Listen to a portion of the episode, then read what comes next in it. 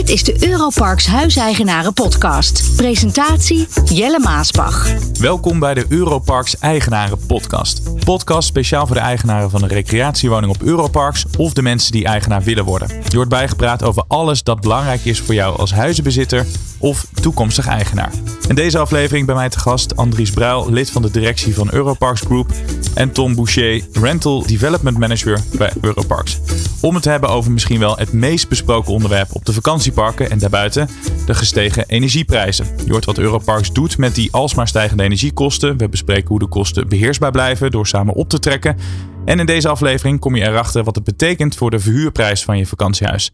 Ja, Tom, ik wil heel graag eh, met jou eh, beginnen. Goed dat je er bent. Dankjewel. Dit is misschien wel de grootste vraag bij luisteraars. Hè? Wat doet dit met mijn verhuurprijs, die stijgende kosten? Laten we daarom beginnen bij hoe die prijs wordt bepaald. En dat gaat, heb ik gehoord, door zogenaamde dynamic pricing. Kan jij de luisteraar uitleggen hoe dat precies in zijn werk gaat? Dat kan ik zeker. Dynamic pricing is eigenlijk een methodiek die los van de energietoeslag of energiekosten al wordt gehanteerd binnen Europarks. En wat we daar eigenlijk mee bedoelen is ja, op een simpele manier uitgelegd. We willen een zo hoog mogelijke bezetting halen tegen een zo goed mogelijk tarief. Per woning, per park. En op basis eh, van die behoeften zijn we continu bezig met de prijzen. Deels geautomatiseerd en deels met het team. Mhm.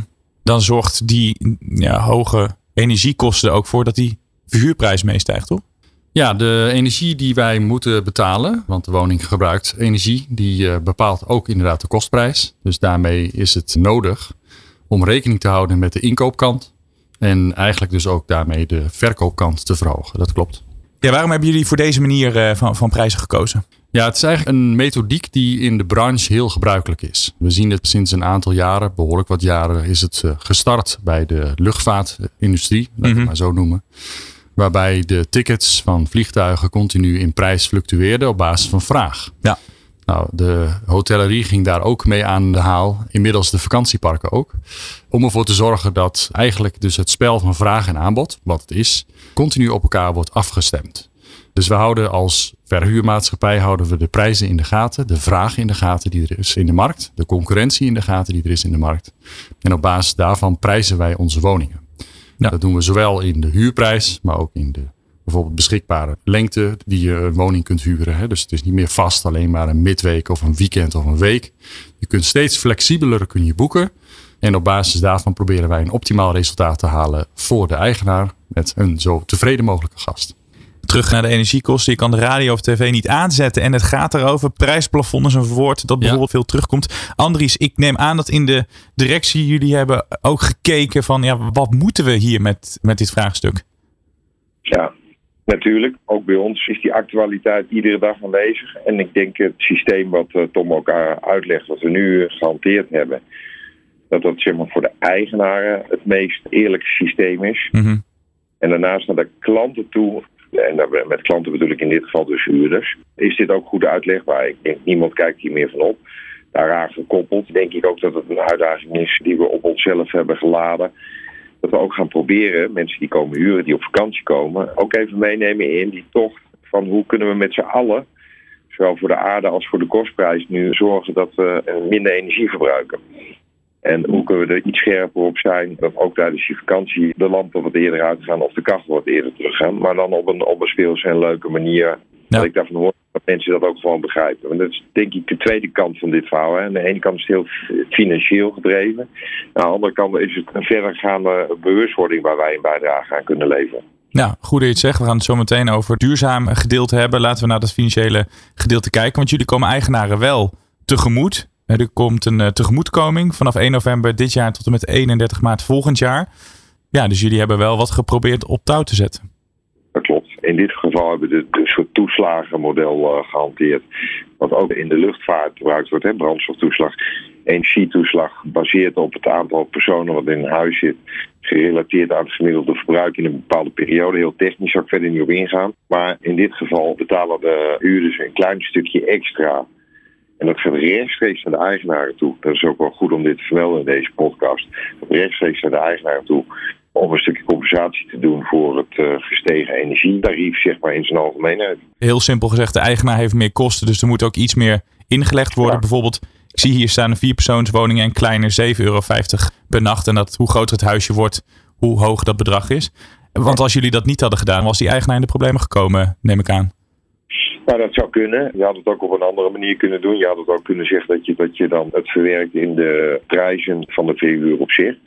Wij hebben gekozen ook naar eigenaar toe, want we hebben twee verantwoordelijkheden. Mensen een goede vakantie bieden en een oprecht bedrag laten betalen voor die gestegen energiekosten. Aan de andere kant onze grootste verantwoordelijkheid is misschien ook wel al die mensen die bij ons een huis bezitten en die daar kosten voor maken en opbrengsten verwachten, om die transparant weer te geven zonder dat daar provisies of commissies voor Europark zelf tussen zitten om te laten zien, dit krijgt u netto zodat u meer in balans bent. Nou, ik vind het een, eh, een laag voorstel zoals het nu op tafel ligt. En de eerste reacties van eigenaren zijn ook heel erg positief.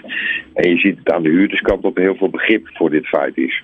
Ja, Tom, ik kan me ook voorstellen dat naar die eigenaren toe, toen die tegemoetkoming op tafel lag, dat het voor jou ook wel fijn was. Dat je daarmee naar die mensen toe kon stappen. Ja, nee, zeker. Ik ben mede bedenker hiervan om dit zo eh, neer te zetten. Juist ook omdat we, nou, wat Andries net al zei, het heel belangrijk vinden dat we niet alleen maar naar de huurderskant kijken, niet alleen maar naar de Europarkse kant kijken, maar ook naar de eigenarenkant. Het was nodig om hierin een stap te nemen, omdat er zo enorme stijging is van die energietarieven ja, zeker heel blij mee. Maar vooral blij mee dat de eigenaren, net wat Andries al zei, er zo positief op reageren. Ja, ben je dan niet bang dat je duurder wordt dan de concurrentie? In sommige gevallen kan dat zo zijn. Ik heb daar wel over nagedacht, ook bij het neerzetten hiervan. Wat kun je doen? Het, het is altijd een spel, wat ik net al uitlegde, tussen zoveel mogelijk bezetting realiseren met een, ook een goed resultaat. Nou, hoe hoger de prijzen zijn, hoe minder mensen zullen boeken. Er zit altijd een correlatie in. Mm maar tegelijkertijd heeft iedereen te maken met deze energiestijging. Dus ook de concurrent.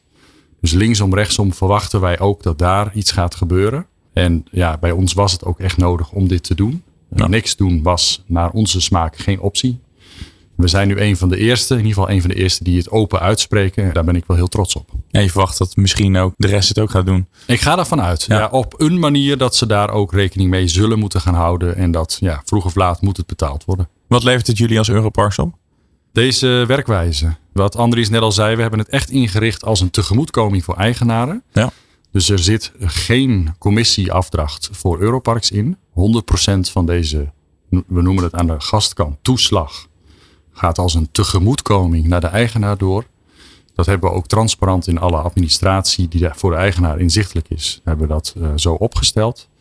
Dus voor ons als Europarks hopen we primair dat we tevreden eigenaren hebben.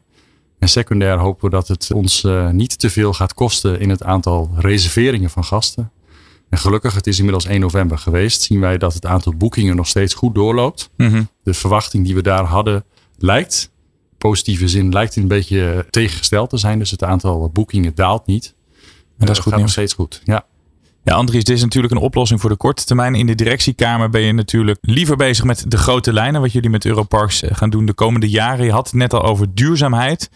Ja, want hoe duurzamer het huisje, hoe minder energieverbruik, hoe beter het voor de kosten is. Hoe ver staat het bij jullie met die duurzaamheidsplannen? Een aantal zaken hebben we inmiddels ook doorgevoerd. Onder andere op een groot aantal zwembaden zonnecollectoren geplaatst. En ook in een uh, aantal parken ook al experimenten gedaan met zonnepanelen. Ja. Wil je zeggen experimenten, je kunt er gewoon zonnepanelen op uh, vakantiewoningen leggen. Ja, dat gaat. Maar er zijn twee maren. Eén is, we hebben heel veel gebieden die in bosrijke omgevingen liggen. Dat betekent dus dat je een zonnepaneel dan eigenlijk te weinig energie opbrengt. En de tweede is, kan het netwerk staan? Nou, even kort een stukje uitleg ook voor de eigenaren.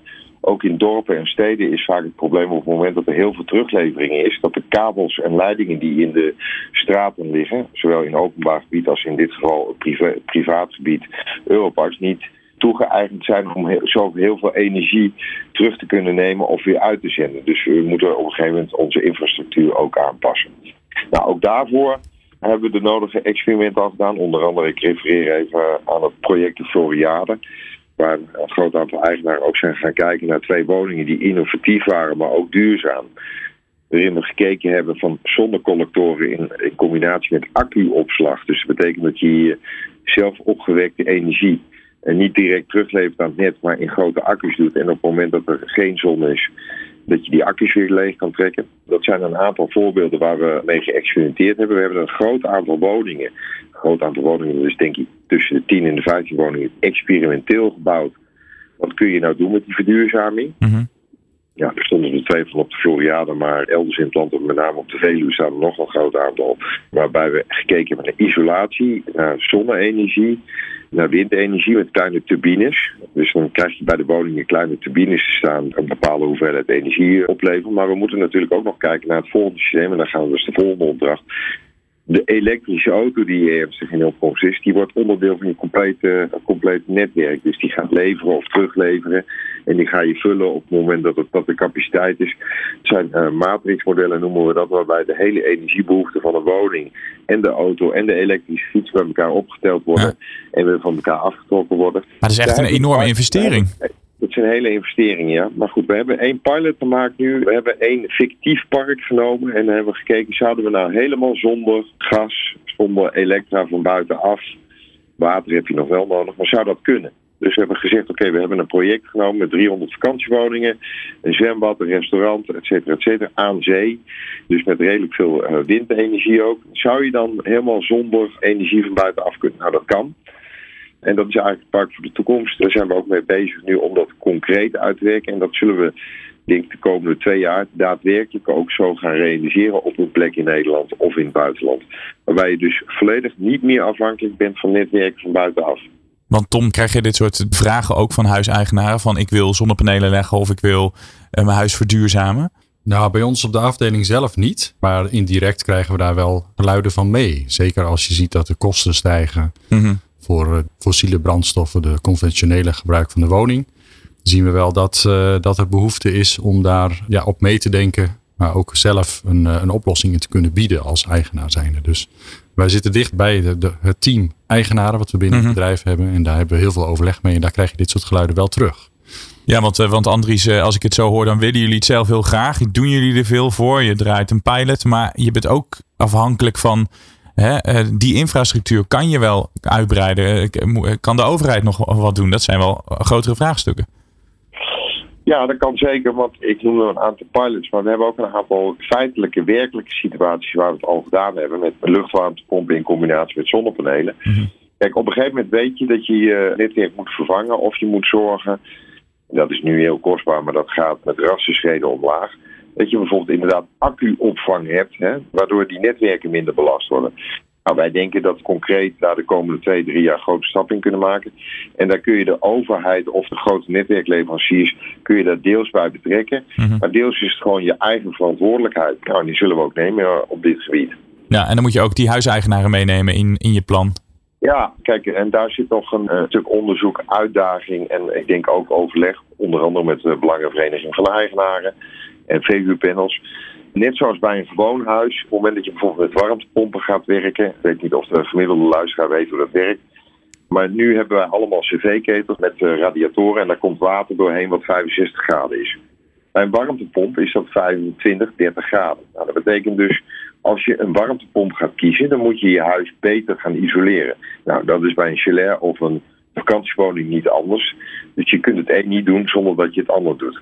Nou, dat soort oplossingen gaan wij in de toekomst uh, hopelijk ook in maatwerk aan onze eigenaren aanleveren en gefaseerd denk ik uitvoeren, zodat de investeringen ook meevallen en uiteindelijk krijg je je investeringen weer terug omdat je energie-neutraal of uh, heel licht energie verbruikt. Ja, nu we het toch over de toekomst hebben, Tom, zijn er voor volgend jaar nog aanpassingen op dit prijsbeleid eh, dat jullie voeren of laten jullie het zoals het nu is? Nou, we hebben net de energietoeslag waar we het net over hadden, hebben we net eh, doorgevoerd in het eh, prijsniveau. Dat uh, loopt door tot en met 31 maart. Zo is het nu ingeregeld. Wij hebben nog een evaluatiemoment gepland. Ergens in december om te kijken of we die periode moeten verlengen.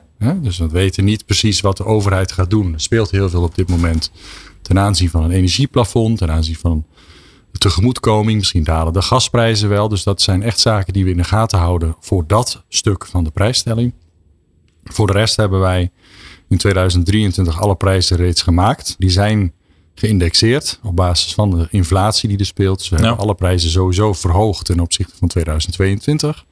Wat we verder doen volgend jaar, daarvan zijn reeds gerealiseerd. En dat is uh, stap 1 is dat wij de lengte, het minimumlengte van verblijf hebben we aangepast. Dus alle gasten kunnen in 2022 moeten ze minimaal drie nachten verblijven. En in 2023 wordt het minimaal twee nachten. Een heel andere prijzenmatrix voor opgesteld.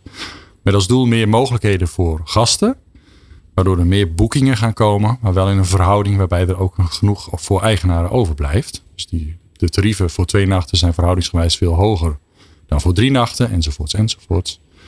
Dus dat hebben we reeds doorgevoerd. Dat gaan we ook piloten op een aantal parken voor de vakantieperiodes. Om te kijken wat dat doet. Dat houden we dagdagelijks in de gaten om te zien of we daarbij moeten bijsturen. En we zullen ook de bijkomende kosten die er zijn links-rechts wat indexeren. Om ervoor te zorgen dat we ook de daar stijgende inkoopprijzen kunnen afvangen. Nou, Andries, aan jou het laatste woord. De luisteraar hoort het al. Je hangt aan de telefoon. Je bent druk. Je bent druk eh, bezig voor de huiseigenaren. Kan je vertellen wat er de komende op stapel staat? Wat zijn de mooie projecten die ze nog moeten weten? Nou, ik denk dat we, als je het hebt over de eigenaren die vooral luisteren naar weten, deze podcast even over dit onderwerp. We zijn dus accuraat, denk ik, als het gaat om het volgen van de energiemarkt en het bedenken van oplossingen voor eigenaren. En dat noem ik even dempen. Twee, uh, we zijn bezig met een lange termijnvisie. Hoe gaan we zorgen dat energie ons niet over vijf jaar nog in de greep heeft, zodat je rustig kunt eh, investeren en ondernemen met een vakantiewoning. En het derde wat ik je even mee wil geven, zo naar het eind van het jaar toe, ik denk voor 2023 voor eigenaren heel veel toegevoegde waarde gaan betekenen in, in de vorm van ons eigenarenteam. En vernieuwing uh, van allerlei overeenkomsten met eigenaren, het verbeteren van de relatie met de eigenaren.